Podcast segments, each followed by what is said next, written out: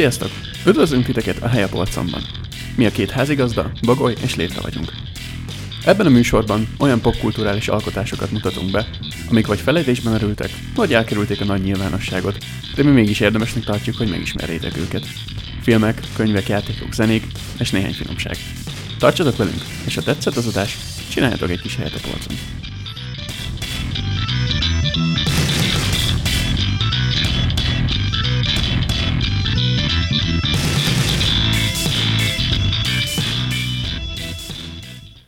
Sziasztok! Üdvözöllek titeket a Helyapolcon podcastben. Én a mai műsor házigazdája, Létre vagyok. Bagoly most nincs velem, ennek nagyon egyszerű oka van, ezt az adást nappal veszem fel, a bagoly pedig köztudottan éjszakai állat, úgyhogy most kénytelenek lesznek velem beérni. Előfordult már egyébként múltkor is a Jack Hill adásnál, meg elő fog fordulni is a jövőben is, hogy csak az egyikünk, vagy csak a másikunk vesz fel egy adást, ennek rendkívül egyszerű oka van. Ilyenkor általában összeveszünk azon, hogy milyen luxus limuzinra verjük el azt a pénzt, amit még meg sem kerestünk a podcastből. Ezeken nem kell fennakadni, valószínűleg a következő vagy az utáni adásban visszatérünk mindketten. A mai adásban pedig elhagyjuk a filmes terepet, és ismét visszatérünk a betűkhöz, a könyvek lapjai közé, és számomra egy nagyon-nagyon kedves történelmi regényről fogunk beszélni, a Bíró Szabolcs által írt Non Nobis Domine című történelmi regénysorozatról. Sorozatnak hívom, egyébként két részes, duológia, talán ez a megfelelő szóra, de akármilyen hosszú is, mindenképpen elég hosszú időre nyújt nagyon-nagyon-nagyon kellemes szórakozást. Hogy kicsit csigázom a kedélyeket, és ne egyből a történettel kezdjük, beszélnék először egy kicsit az íróról, Bíró Szabolcsról. Úgy gondoltam, hogy a legegyszerűbb bevezetés az lesz, hogyha felnyitom a Wikipédiát, és elolvasom nektek, hogy mit ír róla a Wikipédia. Szóval a Wikipédia szerint Bíró Szabolcs, Dunaszerdahelyen született 1988-ban, szlovákiai magyar író, hagyományőrző, művelődés szervező és vállalkozó, illetve a székirodalom fogalmának megalkotója. Ebből minket leginkább az író rész fog érdekelni ebben az adásban, illetve tennék egy kis kitérőt arra, hogy mi ez a székirodalom szándékosan szék és nem szép irodalom, nem hallottátok félre. Ez egy fogalom, amit ő alkotott meg egyik barátjával. Ennek az az oka, hogy Bíró Szabolcs kerekes székben él, és úgy gondolta, hogy egy jó geg lenne azt a műfajt, amiben alkot, nem behatárolni, tehát fantasy, történelmi regény, és így tovább, hanem ezt a székirodalom kifejezést adni neki, kicsit így tágan tartva a műfai határokat, és ezáltal több teret engedve az alkotói szabadságnak. Ha írói pályáját nézzük, viszonylag fiatal korától kezdett el írni, első írásai 2007 környékén jelentek meg, ekkor még álnéven Francis W. Scott néven adta ki a könyveit, és 2010-től ír a saját nevén, azóta alapvetően történelmi regényeket. Az első regénye, ami viszonylag nagyobb ismertséget hozott számára, az a Subrosa című regény. Ez egy ilyen jelenkorban játszódó, kicsit templomos lovagrendes, picit szabad kőműveses, nyomozós írás, egy ilyen kvázi egy, egy krimi vagy egy detektív regényhez hasonlít inkább. Olvastam ezt is, szórakoztató, de nem ez volt, ami megragadta a figyelmemet. Hanem a következő nagy dobása, a Non Nobis Domine első és második része.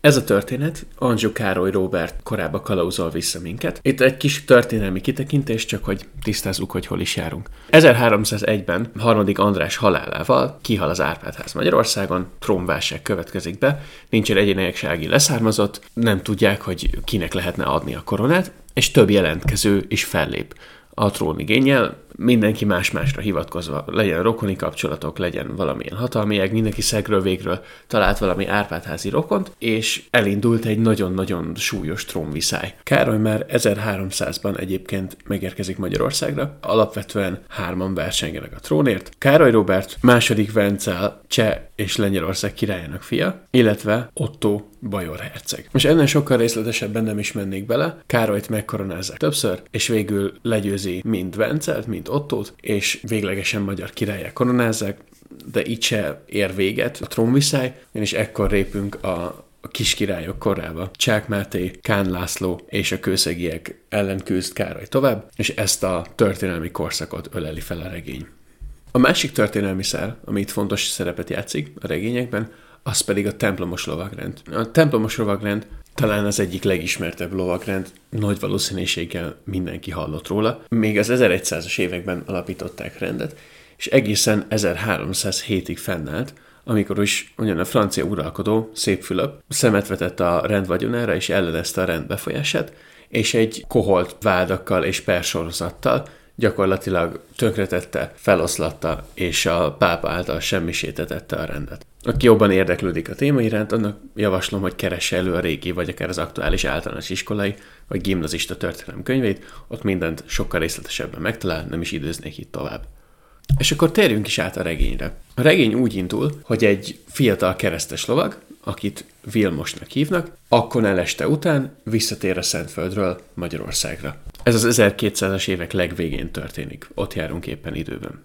Ekkor még a rend feloszlatásáról nincs szó, de gyakorlatilag az utolsó bástyájukat is elvesztették a Szentföldön, tehát ez egy, egy óriási csapás a, a rendre nézve, egy óriási verség, és visszatérnek az életben maradt keresztesek, ugye mindenki oda származik, Vilmos Magyarországra, Dunaszerdahelyre. Dunaszerdahely egyébként a mai Szlovákia területén található, és a, talán az elején említettem is, ugye azért kap fontos szerepet, mert itt született a regény írója is. És itt a visszatérte után a legelső dolog, ami belecsöppen, az egy családi dráma.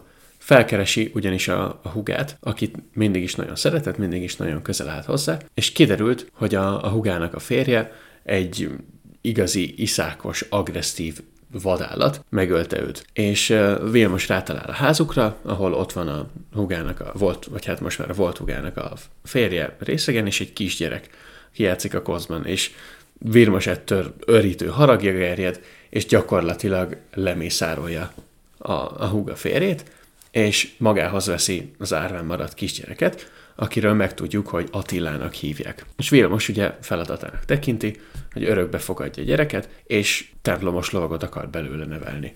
A legjobb templomos lovagot, aki valaha élt. És ezután következik egy nagyobb ugrás az időben, és utána már Attillát látjuk templomos növendékként, gyerekként, ahogy felcseperedik Vilmos szigorú nevelése alatt. Vilmos egyébként egy olyan karakter, akiben eleinte kimondatlanul, később kimondottan is rengeteg feszültség van, rengeteg megbánás, rengeteg múltban elfolytott esemény, és gyakorlatilag ő egy vezeklésnek tekinti azt, hogy Attilából templomos lovagot farag, ezért is kezeli ilyen keményen, ezért is kezeli ilyen szigorúan, és a felszínen úgy tűnhet, hogy minden rendben van, hogy Attila tehetséges, Attila okos, ügyes, jól bánik a fegyverekkel, és tanul Vilmos alatt. Közben egyébként megismerünk még más karaktereket is, akinek később fontos szerepe lesz. Az egyikük Umberto, az olasz vándorénekes, Vilmosnak egy régi barátja. Nem nagyon derül ki pontosan, hogy ők hogy találtak egymásra, valami olyasmit tudunk meg, hogy Vilmos egyszer megmentette Umberto életét, és Umberto járja az országot, és, és híreket hoz, és évente egyszer visszatér Vilmoshoz, és innen informálódnak a világ eseményeiről. És ugye a világ eseményei, ez az egyik szál, ez a Vilmos Attila féle szál, a másik pedig zajlanak a történelmi események. Egyébként külön jó pont itt a regénynek, itt említeném meg, hogy meglepően pontosan ábrázolja a, a történelmi eseményeket. Tehát amíg a két szál külön fut, a történelmi, meg ez a, ugye a kitalált, a Vilmos Attila féle szál, addig elég akkurátusan ragaszkodik az író a történelmi eseményekhez. Egész jól meg lehet tanulni a korszakot belőle. Kis személyes példa, nekem például érettségin, tör érettségin nagyon-nagyon jól jött. Ezt a részt nem is tanultam meg úgy igazából, csak nagyon-nagyon sokszor olvastam ezt a regénysorozatot, és kiváló háttértudást szolgáltatott. És itt telnek az évek, itt is vannak ugrások az időben, és Attila elkezd kamaszodni, és azért itt megjelennek a problémák. Tehát ő közel sem az, a, az, az érett templomos lovag, akinek őt Vilmos elképzeli, nyilván nem egy fiatal gyerek. Egyébként a karakter dinamikája a kettőjüknek nagyon-nagyon hasonlít a Star Wars-val, Obi-Wan és Anakin párosára. Vilmos egy ilyen teljesen tipikusan obi karakter. Amikor olvastam, mindig úgy képzeltem előtt, még, még a fejemben úgy is nézett ki. Attila meg nagyon egy ilyen anakinos. Lehet, hogy ez volt az inspiráció, nem tudom, minden esetre nagyon-nagyon jól működik a karakter dinamika a kettőjük között, és nagyon sok konfliktus helyzetet is szül. És akkor megtörténik a fő konfliktus, ami az ő cselekményszálukat igazán elindítja, és az esemény lavinát maga után hozza. Megérkezik Vilmoshoz egy másik templomos, egy spanyol lovag, ő is egy Vilmos régi barátja, aki szöges ellentét a Vilmosnak. Egy nagyon-nagyon világi, nem nagyon tartja be a, a rendreguláját, nagyon ilyen kicsapongó életet él, és hát ez ugye elképesztő szimpatikus Attilának, aki a kamaszodás szélén áll, egy ilyen azt ő a legjobb ember, akivel valaha találkozott, és nagyon jól megvannak, és a, ez a spanyol lovag, ez mindig hetszeli Attilát, és végül eljutnak odaig, hogy megbeszélnek, hogy kihívják egymást egy párbajra. Pontosabban az egyikük kihívja a másikat a párbajra, a másik belemegy, és megbeszélnék, hogy éjjel találkoznak, és mindezt természetesen Vilmos tudta nélkül. És itt Attila elkövet egy nagyon nagy hibát, ugyanis Vilmosnak van egy kardja, amihez nagyon ragaszkodik, elvileg ősi családi gyerekje, és Attila ezt a kardot ellopja Vilmos szabályából. Úgy gondolja, hogy az lesz a méltó, hogyha ő ezzel fog küzdeni a spanyol lovag ellen. És amikor találkoznak, a spanyol lovag meglátja nála ezt a kardot, akkor ő is megijed, mert azért ő is tart egy kicsit Vilmostól, és mondja Attilának, hogy figyelj, ez nagyon-nagyon rossz ötlet volt, hogy te legyújtad ezt a kardot, nem lesz ez így jó. De mindegy, Attila ragaszkodik, hogy ő ezzel akar harcolni, de rájuk talál Vilmos, és óriási égtelen haragja gerjed, a spanyol lovagot elzavarja, elmondja, csalódott benne, mint barátban, és hasonlók, a spanyol lovag megérti, el is tűnik, de a konzekvenciák sokkal súlyosabbak Attila számára, ugyanis Vilmos kijelenti, hogy másnap összepakol, és elindul Budára. Méghozzá abból a célból, hogy elkíséri Umbertót, ugye Vilmosnak a barátját, ezen a hírszerző országjáró körútjára. Attilának semmi beleszólása nincsen, retteg Vilmos haragjától, kénytelen elfogadni a döntést, úgyhogy összepakol, és másnap ezek ketten elindulnak szépen. És ez az út, ez nagyon-nagyon kalandos lesz. Történik itt minden, Attilának küzdenie kell, és meg is sérül egyébként, és Umberto nagy nehezen eljut vele Budára, a sérült Attilával, ahol egy fogadóban ápolják. A fogadónak a tulajdonosának a lánya, a fiatal Ágnes veszi kezelésbe Attillát. És természetesen mekkora meglepet, és megjelenik a, a szerelmi szál a történetben. Attila halálosan beleszeret Ágnesbe, teljesen oda van érte, de itt több probléma is van. Egyrészt jóval idősebb Attilánál, ami még nem lenne akkora probléma, de a másik sokkal-sokkal nagyobb probléma, hogy ugye Attila templomosnak készül. Tehát ez a szerelem opció, ez így egy, egyáltalán nem, nem játszik, tehát így nincs benne a történetben. De ugye természetesen Attila ebben nem ezzel nem akar foglalkozni, nem gondol bele. Történnek ilyen különböző incidensek a fogadóban, idősebb templomos növendékek ugratják Ágnest, meg hasonló, és akkor Attila megpróbálja megvédeni, de szépen elporolják a fenekét, de, de teljesen beleszeret. És ezt, ezt látja Umberto is, és így nagyon örlődik, hogy, hogy mit kéne tennie, mert egyrészt ugye ő Vilmosnak a barátja, és uh, nyilván kötelessége Vilmosnak mindenre beszámolni, másrészt Attillát is szereti, és és abszolút megérti Attillát, mert, mert tudja, hogy milyen a szerelem, és így nagyon örlődik a kettő között, és úgy dönt végül, hogy Attila pártján marad, és nem szól.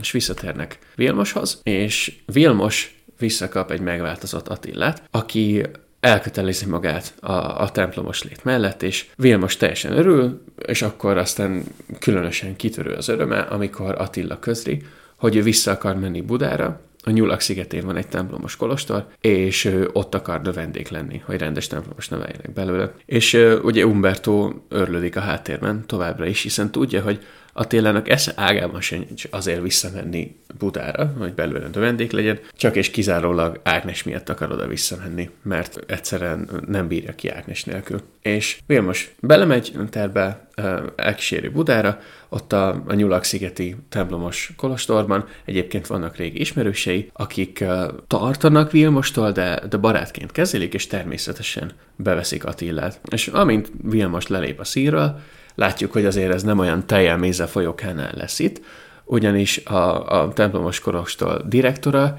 és nagyon gonoszan bánik Attilával, és ogyadja egy lovagnak, aki a mestere lesz, aki meg aztán különösen undorítóan bánik Attilával, és, és nagyon rossz dolgokra kényszerít, és a kiképzését teljesen elhanyagolja, és teljes utálat alakul ki kettőjük között. Attila természetesen szerez barátokat, két barátot a Kolostorban, akikkel együtt nő fel gyakorlatilag, és, és időnként kiszökik a kolostorból. Ez is egy érdekes történetszel, ugyanis a, a mestere megbízza különböző feladatokkal. A mestere egyáltalán nem ragaszkodik a templomos regulához, kurvázik, szórja a pénzt és hasonló, és uzsorásoktól szerzi a, a pénzét, és Attilát bízza meg különböző ilyen lótifuti feladatokkal, ugye így nem marad ideje a kiképzésre, hanem a mesterének, akit Zotmundnak hívnak, neki kell teljesíteni ezeket a elég lehangoló küldetéseit. De Attila nem panaszkodik, ugyanis minden alkalommal, hogy amikor Zotmund ügyében jár el, eljuthat Budára és találkozhat Ágnessel.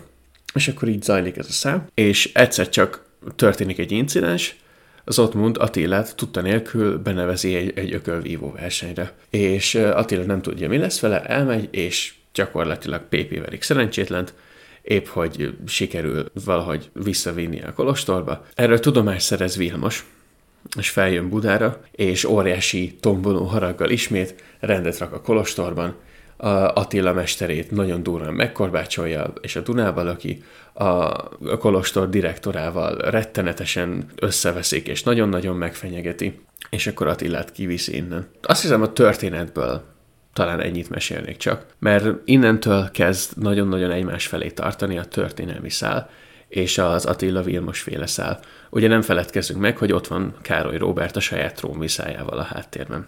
Egy-egy ilyen kis kitekintő, hogy, hogy tudjuk, mire lehessen számítani. Attila és, és Károly Róbert egymásra találnak, ugye ez a, ez a fikciós szál a történetben. Felmerül egy csomó dilemma, Attila örlődik a templomos léd és uh, Anzsú Károly lovagja között, ugye ott van neki szerelmi szálként az Ágnes, ott van a, a templomos rend, gyakorlatilag megbuktatása és pápa által való kiátkozása. Ott van a trónviszály, amiben nem biztos, hogy van olyan sok kedve belefolyni, de lehet, hogy nem lesz más választása. És így szépen bontakozik ki előttünk a történelem, és, és Attilának a története van ebbe kiválóan beleillesztve. És ezt tartom egyik legerősebb pontjának, hogy amellett, hogy viszonylag akkurátus történelmileg, ugye belekerül ez a szál, és hogy olyan ügyesen dolgozza össze a kettőt, hogy, hogy abszolút hihetőnek tűnik nekünk a történet, és, és nem zavar minket, hogy ott van ez a szál, mert izgalmas, érdekes, és úgy, úgy nagyon-nagyon kiegészíti a történetet. Az első kötet egyébként az 1312-es rozgonyi csatával ér véget. Attila és Vilmos útja itt ágazik ketté végleg, tulajdonképpen nagyon érdekes módon, és itt fonódik össze Attila és Károly Róbert útja teljesen. És a második kötetben már egy felnőttebb, érettebb Attillát ismerünk meg, akinek sokkal inkább felnőttebb, érettebb problémákat kell megoldania. A második kötet végére egyébként oda jutunk el, hogy Károly megszilárdítja a hatalmát, és végre teljes jogú királyként uralkodik Magyarországon. És itt eh, ez tulajdonképpen véget is ér, de aki nem akarja elengedni se a karaktereket, se a történelmi szállat, van egy másik regénysorozat az írónak, Anzsuk címmel, ez egy 15 kötesre tervezett sorozat. Ha jól emlékszem, eddig 8 jelent meg, vagy talán 9 rész, és ez is Attilának, illetve az ő leszármazottjainak történetét viszi tovább, párhuzamosan az Anzsuház történetével, ugye először Károlyjal, aztán Nagy Lajossal. Én elkezdtem olvasni az Anzsú sorozatot is, és meg kell mondjam őszintén, hogy nekem közel se tetszett annyira, mint a, a két non nobis domine. Amit mondtam korábban is, hogy ez, ez inkább történelmi regény, és nagyon-nagyon el van találva az az egyensúly, hogy a, a valóság, a, a kitalált elemek, a, az írási stílus, minden olyan, olyan nagyon-nagyon rendben van, olyan nagyon egyensúlyban van kiadagolva, viszont az Anzsuknál nagyon-nagyon elment egymás mellől a kettő. Tehát, hogy van továbbra is a, a történelmi vonulat, ami továbbra is akkurátus olvasható, viszont ez az Attila szár története túlságosan ilyen epikusra van véve, legalábbis megvan rá a próbálkozás, túl sok kiszámítható fordulat, túl sok olyan váratlan esemény mindemellett, ami úgy nagyon, nem nagyon illik a történetbe, illetve úgy érződik, hogy, hogy kicsit kifogyott a lendület ebből a szából. Sok történeti elem nagyon öncélú benne, csak azért van, hogy kicsit sokkolja a nézőt, és tulajdonképpen se előre, sem hátra nem mozdít a történeten, amivel én nagyon nem vagyok kibékülve, én nagyon-nagyon nem szeretem se filmekbe, se könyvekbe, se semmibe, hogyha valami öncélúan van benne, úgyhogy nem tesz hozzá semmit a történethez, és itt, itt sok ilyen van és úgy, úgy elveszik a szálakban az ember. Az, az az érzése, én az első négy kötetet olvastam, hogy negyedjére olvassa ugyanazt. Tehát az első ugyanaz volt, mint a második, mint a harmadik, mint a negyedik, és igazából ugyanazokat a sablonokat, ugyanazokat a tematikákat használják fel, csak próbáljuk kicsit új köntösbe borkolni, néha kisebb, néha nagyobb sikerrel. Szerintem jobb lett volna, szebb és kerekebb lett volna, hogyha ezt az Attila vonalat elengedjük ezzel a két kötettel, de nyilván ez csak az én véleményem, lehet, hogy valakinek sokkal jobban tetszik az Ansús rész, és csak egy, egy bevezető volt a Non Nobis Domine, ezt döntsétek el, olvassátok el, mindenképp javaslom, mert annak ellenére, hogy az Anzsú sorozatról nem voltam túl jó véleménnyel, akkor is érdemes olvasni, mert érdekes,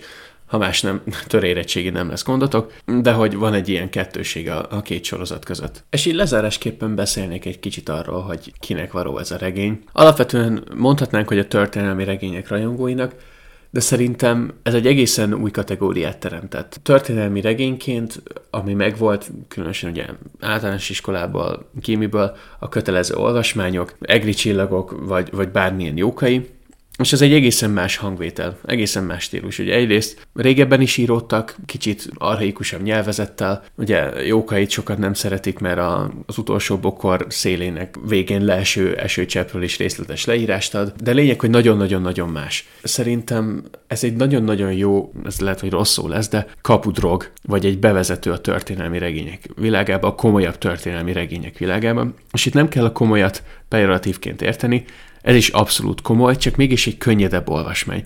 Olyan, mintha ha lenne egy nagyon jó fantasyink, csak éppen a setting meg a történet, az, az már meg volt írva előre a történelem által. Én mindenképp azt gondolom, hogy ilyen 20-30 pluszos korosztályban is simán el lehet kezdeni, mert, mert minden korosztály más fog benne látni, nem lesz gyerekes. Nagyon-nagyon érdemes odaadni olyanoknak, akiknek nem nagyon a kegyérük az olvasás, vagy éppen csak most kezdtek el szemezgetni az olvasás élvezetével. Ez egy, ez egy nagyon jó kis bevezető lehet. Egy Harry Potter mellé simán odaraknám a polcra, hogyha valaki valami mást akar olvasni. Innen nagyon könnyen tovább lehet lépni a, a komolyabb művek irányában. Egyébként kicsit, talán hangulatilag nekem a, a Werner regények jutottak róla eszembe. Én Vernét nagyon-nagyon szerettem, nagyon más stílus a kettő, de ez a, a könnyed, kikapcsolódó olvasás, amiből mégis nyerünk valamit, valami, valamit tanulunk, vagy akár valami információt, vagy, vagy egy, egy gondolatmenetet, az, azt átad nekünk. Egyébként filmekben megfeleltethető a sajnos már a szinte teljesen kihalt másfél órás kalandfilm formátumnak. Ez az, amit szívesen a kezébe vesz az ember este, olvas belőle, és, és jó hangulata lesz tőle, és nagyon sokszor újra lehet olvasni, mindig talál benne egy kis újdonságot az ember. Meg lehet venni papírkötésben, hogy el lehessen vinni a vonaton, és ne szakadjon le a kezünk. Másfél óra után meg lehet venni nagyon szép díszkiadásban, gyönyörű borítók vannak hozzá. Píró Szabolcsnak egyébként vannak ilyen nem reguláris időközönként ilyen turné is egyébként, talán még egy dedikálást is szerezhetünk rá, és bízom benne, hogy, hogy az író pályafutása kitermel még hasonlóan olvasható darabokat. És talán tényleg még csak ilyen utolsó gondolatmenetként nagyon-nagyon szívesen megnéznék belőle egy ilyen nagy költségvetésű, igazi jó kosztümös sorozatot. Szerintem kiváló alapanyag arra, hogy, hogy sorozatot lehessen forgatni belőle, mert hogyha elegen meghallgatják az adást, elegen elolvassák a könyvet, akkor lehet, hogy indíthatunk egy petíciót, hogy csináljanak ebből nekünk sorozatot, hát ha egyszer eljutunk oda is. De itt zárjuk is rövidre, szerintem pont kellően kiveséztük a témát. Mindenképp, mindenképp vegyétek kézbe, olvassátok el, és uh, írjátok meg a véleményeteket róla, mondjátok meg nektek, milyen élmény volt, kinek adnátok oda, hallottatok esetleg róla, vagy teljesen újdonság volt, vagy ti is akár ajánlottátok már másnak, nagyon kíváncsi lennék rá, hogy, hogy valójában mennyire ismert, mennyire elterjedt műről van szó. Én jó olvasást kívánok nektek, létre voltam, és a következő részben találkozunk. Sziasztok!